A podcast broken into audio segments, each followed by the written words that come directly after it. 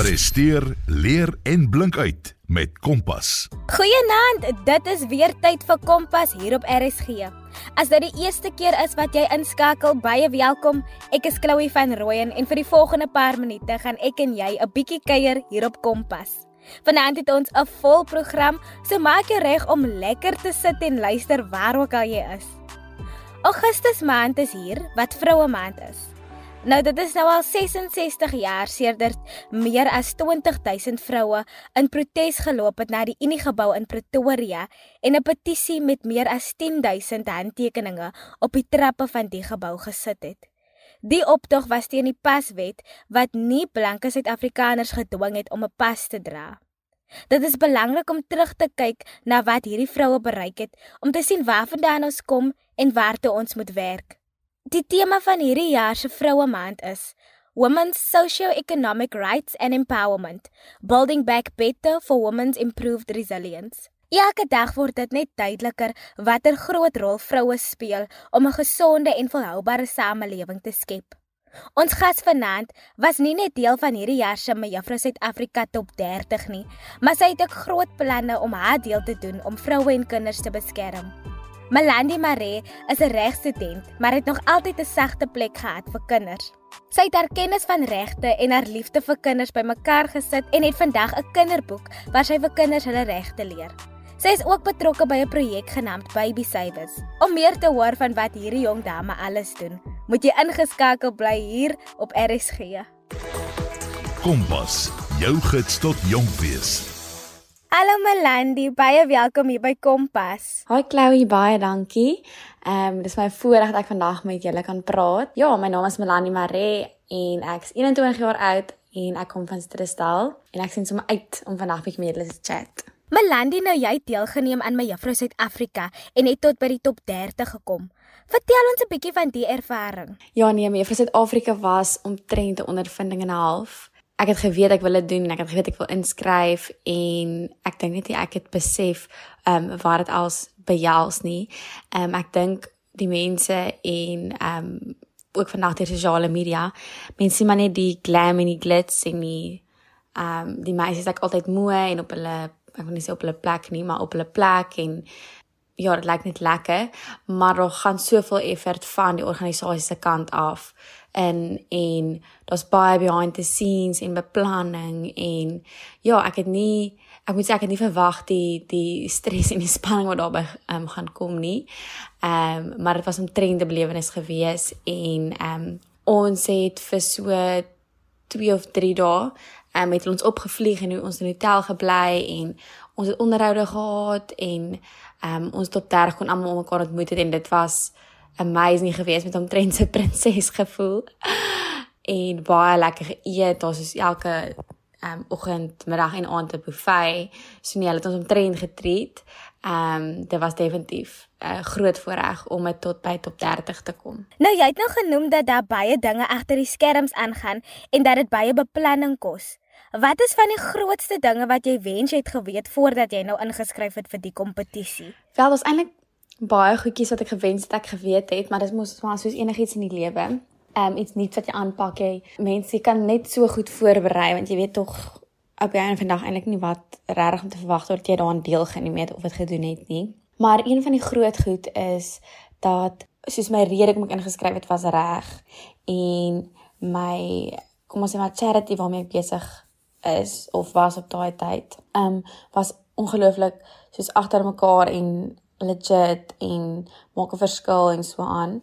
En dit het 'n bietjie gelek op uh, party van die punte. Soos die judges ook sê, soos hulle ek dink hulle 'n 5 minute of 'n 10 minute onderhoud met jou. Jy stap 3 keer op die stage. Hulle sien jou kom ons sê maar 4 keer en dan gee hulle vir jou punte en dan tel hulle die punte op en ons top 12 is soos gekies met soos desimale wat ek amper sê.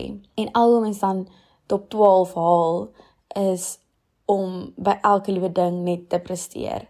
So wat ek nou sal sê, ek volgende keer sal kan werk en soos wat ek nou wens ek geweet het is ek het gewens ek het geweet dat ek moet bietjie meer voorbereiding doen wat myself aanbetref, soos hoe ek oorkom, menende hoe ek loop op die loopplank en miskien kon ek meer moeite met my hare gedoen het dat dit net soos ek kan net stryd en as ek kan doen. Ehm um, en ja, dit was 'n ongelooflike geras want jy moet pak asof jy top 12 gaan haal.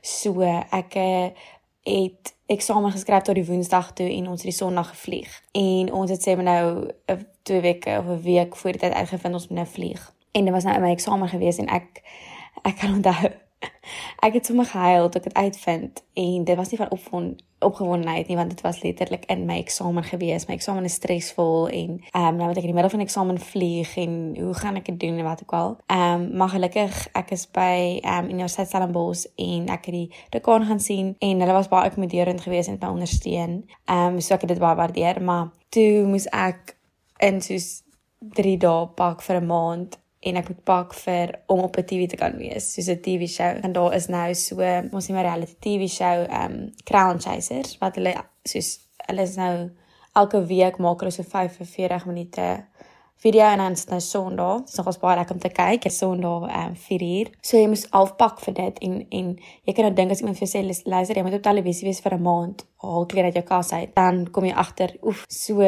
toe in 2 dae moes ek uitreik na brands en vra soos ek gaan dit doen en as ek teer kom dan raak jou klere op die televisie. Um, so ek moes ja nee, ek het omtrent ge gehardloop en in 2 dae by verskriklike baie winkels uitgekom en klere uitgesoek en wat ook al wat ek toe op die einde nie eintlik gedra het mos nou nie want ek was maar net toe nou 3 dae daar. So nee, dit was net amazing hoe die brands ehm um, my gehelp het en ondersteun het in so in so kort kennisgewing wil ek amper sê. Ek ek dink ek het ja, die Woensdag is dit maar bekend gemaak. En toe kan ek ook eers uitreik na die brands en vra soos ja, want jy kan nie voor die tyd vir hulle sê ehm um, voordat nog nie bekend gemaak het wie die top 30 is nie. So nee, daar's baie goedjies, maar dit is maar 'n uh, 'n ondervinding wat mens opdoen en 'n uh, leerervaring waaruit mens baie kan vat en ook maar eintlik oor jouself hoe om my groot ding is ek wil confident oorkom sonder om kom sê geraas te maak. Dit moet uit my uitstraal en sonder om altyd die hardste te praat en so en tussen 30 meisies kan jy nog as dink jy moet jou merk maak en in my manier sonder om heeltyd te praat of deeltyd die hardste te wees of wat ook al. So nee, 'n klomp goedjies wat ek kan kan wegvat, maar dit was net 'n amazing ervaring geweest wat ek definitief weer sal doen. Sjoe, so daar gaan maar baie dinge aan waarvan ons nie weet nie. En jy het aan die begin gesê dat jy die regte rede gehad het vir hoekom jy in wou skryf. Nou voor ons verder praat oor daardie rede, dink ek dit is belangrik om te praat oor die rol wat so 'n kompetisie speel in ons samelewing. Nou ek weet in, in ons samelewing vandag is daar maar omstredenheid of kontroversie oor skoonheidskompetisies soos my Juffrou Suid-Afrika. Hoekom dink jy is so 'n kompetisie nog relevant en belangrik? Ek dink meer Suid-Afrika speel 'n ongelooflike belangrike rol en ehm um, dat Suid-Afrika in geheel is baie afhanklik van so 'n kompetisie want dit is 'n jaar wat sy opoffer vir Suid-Afrika om te help waar ook al sy kan en in my geval sou ek die welstand wil bevorder en ek dink dit sou amazing wees om 'n jaar net by te dra in ons samelewing en vir mense te help wat dit nodig het en projekte te begin en aan te pak en so aan. So nee, ek dink Suid-Afrika ehm um, en geheel is baie afhanklik van so 'n kompetisie. Ek dink die mense se kritiek is eintlik maar net meer oor hulle sien soos ek gesê het, net die glitz en die glam. Hulle sien nie daai agter die skerms nie. Ehm um, en dit wat ek vir baie mense sê wat nou ook die Crown Chasers kyk dat onthou dis 45 minute wat jy sien uit 'n week uit. So dis maar baie min jy sien, jy sien nie alles wat gebeur nie. Jy sien nie die meisies stres nie, jy sien nie ehm um, die besige skedule wat hulle het nie. Ek onthou ek het gedink ek kan ehm um, toe ek op 30 was, sê maar ek sou dit verder maak tot op 12 toe dan sou ek daar moes leer ook vir toetse. En ek het gedink dit sal moontlik wees want ek staan baie maklik 5 uur op in die oggende um, en leer. Maar elke liewe aand as jy jou kop op jou kussing neergesit het was jy soos 'n uit so 'n kers gewees. Want jy's die hele dag besig en ja as ek sê ek was nou maar net top 30 gewees ek dink die die van en die projekte en goeders begin eers by top 12. Mm, ja. Nou kom ons gesels oor die rede hoekom jy toe nou eintlik deel wou neem aan hierdie kompetisie. Ja, daar was 'n goeie 'n uh, 'n groot rede.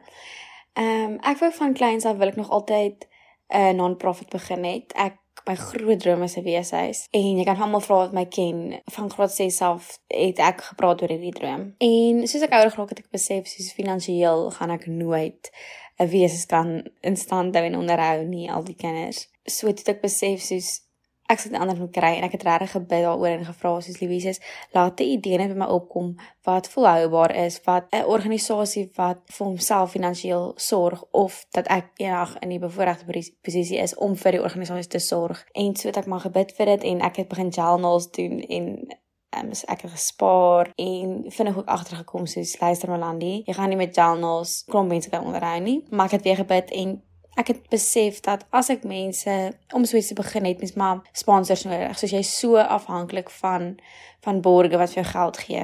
En ek sal moet 'n vorm van kredietwaardigheid kry een of ander manier en ek het besluit soos ek sal iets moet doen wat nou my naam daar buite sit en my juffrou Suid-Afrika was vir my daai tyd die perfekte platform om dit te doen. Dis 'n fantastiese organisasie. Hulle is so ek sê vir my um, um, mense dat dis word letterlik dis 'n besigheid. Dit word so 'n besigheid geran en mense besef jy dit altyd nie. Dis dis dis 'n maatskappy. So hulle weet definitief wat hulle doen in daai veld en hulle het 'n goeie naam. So ek sal as ek as ek die titel my vir Suid-Afrika kry, dink ek sal ek 'n groot verskil maak en verskriklik baie sponsors kry wat op die einde van die dag na my toe uitreik. En dit het ek seker in graad 9 besluit. Ek onthou ek het dit vir een of twee vriendinne gesê.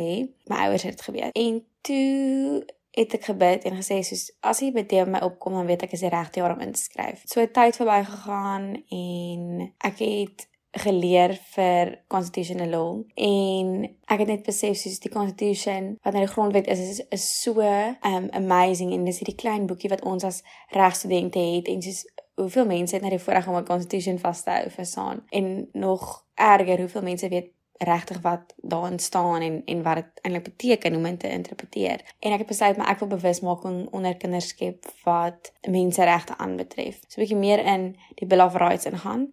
En toe ek daai idee opkom, het ek besluit 2023 in die eerste jaar is dit ek inskryf en toe het ek dadelik begin met die boekie en ek dink ek het so 4 maande aan die boekie gewerk en toe is hy ek het 'n borg gekry. Hulle het 300 boekies geborg en ek het dit gaan uitdeel en ek het kindertjies vertel daarvan en ehm um, die hele konsep is hulle moet 'n Fiona the Firefly ook soek in die boekie om half daai ehm um, praktiese interaktiewe element ook te hê om hulle aandag te vestig en te behou. So elke liewe prentjie met hulle die vuurvliegie gaan soek en die hele die simbool agter dit is soos ek wil hê lig moet geskyn word op hulle regte.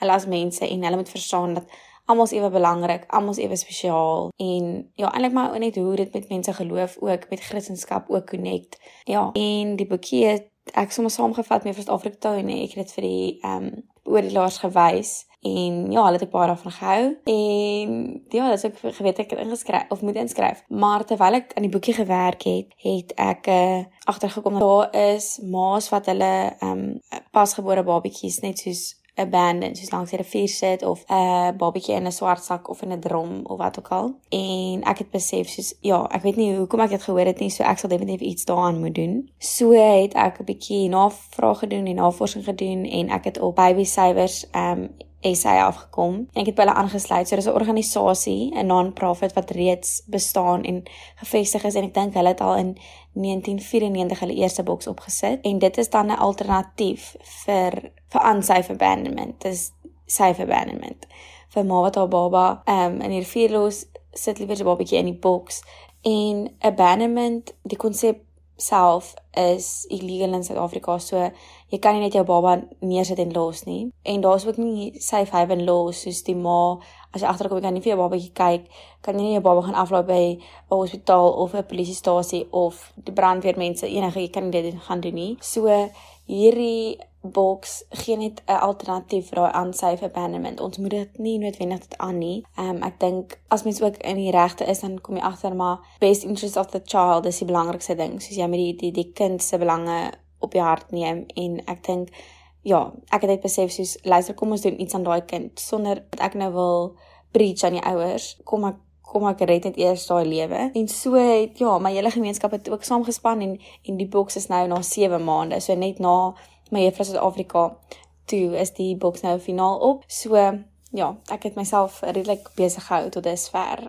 wat ek baie geniet. Melanie sê my, wat is die belangrikheid daarvan vir kinders om te weet wat hulle regte is? Ek dink die hele konsep agter die boekie is dat hoe weet mens jou jou ehm um, daar's inbraak of your your right has been infringed as jy nie weet wat jou regte is nie. So ja, ek ek dink die hele prinsip agter dit is ek wil kinders bewus maak van hulle regte sodat hulle weet as daar inbraak op hulle regte gemaak word. En die hartseer van dit is dat op skool leer mense nie van wette en die wetgewing en die constitution en die handves van menseregte nie. Jy leer dit eers as jy die dag besluit wat reg te gaan doen. So nie eers almal in die samelewing weet wat hulle regte nie. En nietemin soos jou regte het ook sekere daar's ook sekere beperkings soos vryheid van spraak, maar dit mag nie hate speech wees nie. So ek leer vir hulle hulle regte maar ook tot tot waar gaan jou regte presies en jy kan nie inbraak maak op die maatjie langs jou se regte nie. Ehm um, en hoe om dit te interpreteer, ek dink dis die belangrikste. Want baie mense is maklik om te sê ek het 'n reg om te wat ook al. Ehm um, maar hulle besef nie in hierdie situasie is jou reg beperk as gevolg van die ander persoon se se regte nie. So ja, en dan op 'n op vindende manier leer ek hulle daarvan deur die prentjies en die fauna wat hulle moet soek. En ek sien uit om nog om nog by baie skole om te gaan. Op die oomblik eh, ek nog nog 6 maande hier op universiteit oor of eintlik 6 maande en 'n jaar, maar 6 maande dan gaan ek weer die die boekies doen en uitdeel en bewusmaking skep, maar vir nou net eers fokus op my studies.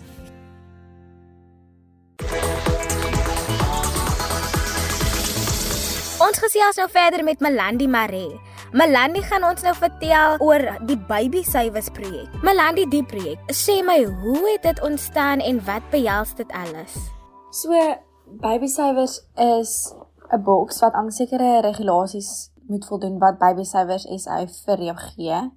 Dan is daar sekere protokols wat almal moet teken wat nagekom moet word om te sorg dat die babatjie die, die die beste behandeling kry en ja, so die boks 'n babatjie word in die boks gesit. Dan het ons responders wat nou eers op die toneel moet kom en die babatjie na die hospitaal toe neem om 10 tot 15 minute om die babatjie uit die boks uit te haal. As die babatjie in die boks gesit word, dan stuur dit 'n uh, alarm aan die ehm um, alarmkamer of die sekuriteitskamer en hulle kontak dan ehm um, een van ACT en stel se ehm um, lede wat aan diens is en dan ook die polisie en ambulans. Dan word die babatjie vervoer na die hospitaal toe en dan doen die hospitaal daar 'n ondersoek op die babatjie en doen al hulle protokolle wat hulle moet doen as hulle 'n babatjie ontvang wat abandon is en nie 'n ma het nie en baie keer gebeur dit soos die babatjie het in in 'n mate 'n nuwe begin want ons weet nie die babatjie kom nie met 'n paspoort in die boks nie. So dit maak dit vir ons baie moeilik vir die die die ehm um, soos Badisa, ons werk nou met Wandisa en Badisa om dan van daar af die stappe te vat om vir die babatjie identiteit te skep en so aan maar die babatjie het 'n nuwe begin en 'n geleentheid om actually te lewe. En dan ja, as ek van daar af wat ek nou gesê het dat ons werk met One Design so ons het Fes en One Design vat dan ook die babatjie en sit hulle in 'n plek van veiligheid en dan van daar af word die babatjie aangeneem of in foster care geplaas. En ja, die proses gaan aan. So ehm um, ja, ek kan dink dit is kom ons redelik jou protokols agter mekaar moet hê. Elke persoon se rol is verskriklik belangrik al, al is dit die babatjie se vervoer net van die boks tot by die hospitaal. Sjoe, en bied julle enige ondersteuning vir mammas of ouers wat dalk sukkel om hulle babas te versorg? Dis nou die wonderlike ding van ek. Dit is 'n sentrum en die boks is ook daar by hulle op en ons het 'n bord langs die boks op en ek het dan met ander vrouens gepraat wat ook bokse het in in hulle dorpe wat ook by baby savers is en hulle sê wat baie keer gebeur is die ma kom tot voor die boks en dan sien sy die bord en dan bel sy eerder die nommer. Ehm um, so ons het 'n noodnommer daarop wat dan een van ACT se lede is wat wat die persoon kan skakel en dan kan hulle met haar praat en hulle kan 'n sousoker gaan sien en so aan en en weet hulle het 'n 'n veiligheidskamer waar 'n ma vir 3 dae kan bly. Sy het 90 dae om te voor te kom en te sê dit is my baba, ek wil die babatjie terug hê. As hy die babatjie in die boks sit dan dan daar's 'n brief in die boks wat sy dan die brief moet vat waarop daai inligting ook staan en so ek sê dit staan op die bord vir wie jy dan kan bel. So by einde van die dag wil mens gaan dit oor die die die kind, die kind wat mens wil red. En dit sal wonderlik wees as die ma's daar kom en nie een hulle baba in die boks sit nie en liewer sy nommer skakel en hulp kry. Want ek dink ek sou sê mens so mense is so maklik om uh, mense te oordeel en te sê, hoe kan iemand hulle um klein babatjie in 'n boks los? Maar mense neem altyd in ag die omstandighede nie. Ek sê altyd um ek kon ek is by 'n wonderlike liefdevolle ma en 'n pa gesit en ek's baie bevoorreg en ek en ek dink baie keer verstaan mense verkeerd as ek sê ek's baie bevoorreg. Um wat nou finansiëel aanbetref van ek kry net alles wat ek wil hê. Ek bedoel ek's baie bevoorreg want ek het 'n liefdevolle ma en 'n pa en ek's in 'n huis, ek het dak oor my kop, um, ek het 'n broer, ons almal is lief vir mekaar en ehm um, ons almal is hardwerkende mense. Ons is ons werk vir ons geld. En ehm um, ja, verstaan ek konsep. Maar ek kon in 'n in 'n omgewing gesit geword het of geplaas geword het waar ek nie geleenthede gehad het nie, nie 'n liefdevolle ma en pa nie of slegs net 'n ma wat finansiëel geld het en maar kan kyk nie. So ek dink ons as mense het verantwoordelikheid om om mekaar te help. Hoe kan mense betrokke raak by die projek en 'n hand verleen? O, jy kan definitief betrokke raak um, by die projek by enige een. So ek sê ek gaan die boekie ding aanhou doen en ek kan net 300 rand of 300 boekies op 'n slag druk. So jy kan my gaan follow op Instagram vir my DM stuur um melandi.mare of jy kan selfs vir act um ACT Citrusdal vir hulle e-mail stuur en kontak. Watter impak hoop jy sal projekte soos die kinderboek en baby sywes hê op die gemeenskap? Ek hoop die boekie en die boks het effek um op die gemeenskap dat hulle die belange op hulle hart sal dra van kinders. Um want kinders is tog op die einde van die dag die die toekoms van Suid-Afrika en die mense wat 'n verskil kan maak in die toekoms. En hulle moet ons op die hande dra en soos hulle sê bygie boompie terwyl hy jonk is. Um wat opvoeding aanbetref, soos as jy enigiets wil verbeter vir die toekoms, gaan fokus op kinders en hulle opvoeding. Um gaan na skole toe, werk met skole. En dis hoekom ek my hoed afhaal vir onderwysers. Hulle speel 'n belaglike groot rol en ek dink nie uh mense besef dit altyd nie. Ek sê altyd dag as ek 'n president word, dan maak se um onderwyssalaris meer, want kyk jy geduld wat hulle het, nê? Nee, en die verskil wat hulle maak is bitter groot. So ek hoop regtig vir dit die boks en die boekie beïnvloed net vir sterrestel op 'n positiewe manier en dat almal wil betrokke raak en dat dit sommer net 'n bietjie moed skep by die mense. Nou jy het genoem dat die idee om 'n NGO of 'n kinderhuis te begin al van skool daar af by jou sit. En jy het al baie dinge probeer maar het 'n paar struikelblokke en uitdagings gehad. Wat doen jy om nie moed te verloor nie? Ek dink dit is baie maklik om om om moed te verloor, maar ek fokus dan net op die eindpunt. Soos hoekom het ek hierdie ding aangepak? Wat wil ek bereik? So jy is vaar om te verloor en vir 10 minute in 'n hoekie te sit, maar dan net 10 minute dan staan jy op en dan fokus jy op jou einddoel. Want ek glo elkeen het 'n doel in hierdie lewe en ja, solank as jy op daai doel fokus kan geen negatiewe goed van die kante af jou beïnvloed nie. Voor ons groet, Melanie, watter raad het jy vir jong meisies wat dalk vanaand luister? My raad sal wees as jy niks kan onthou van die vorige goed wat ek gesê het, enige iets nie, niks van dit is belangrik nie. Wat belangrik is, is hierdie woorde en dit is lewe lig.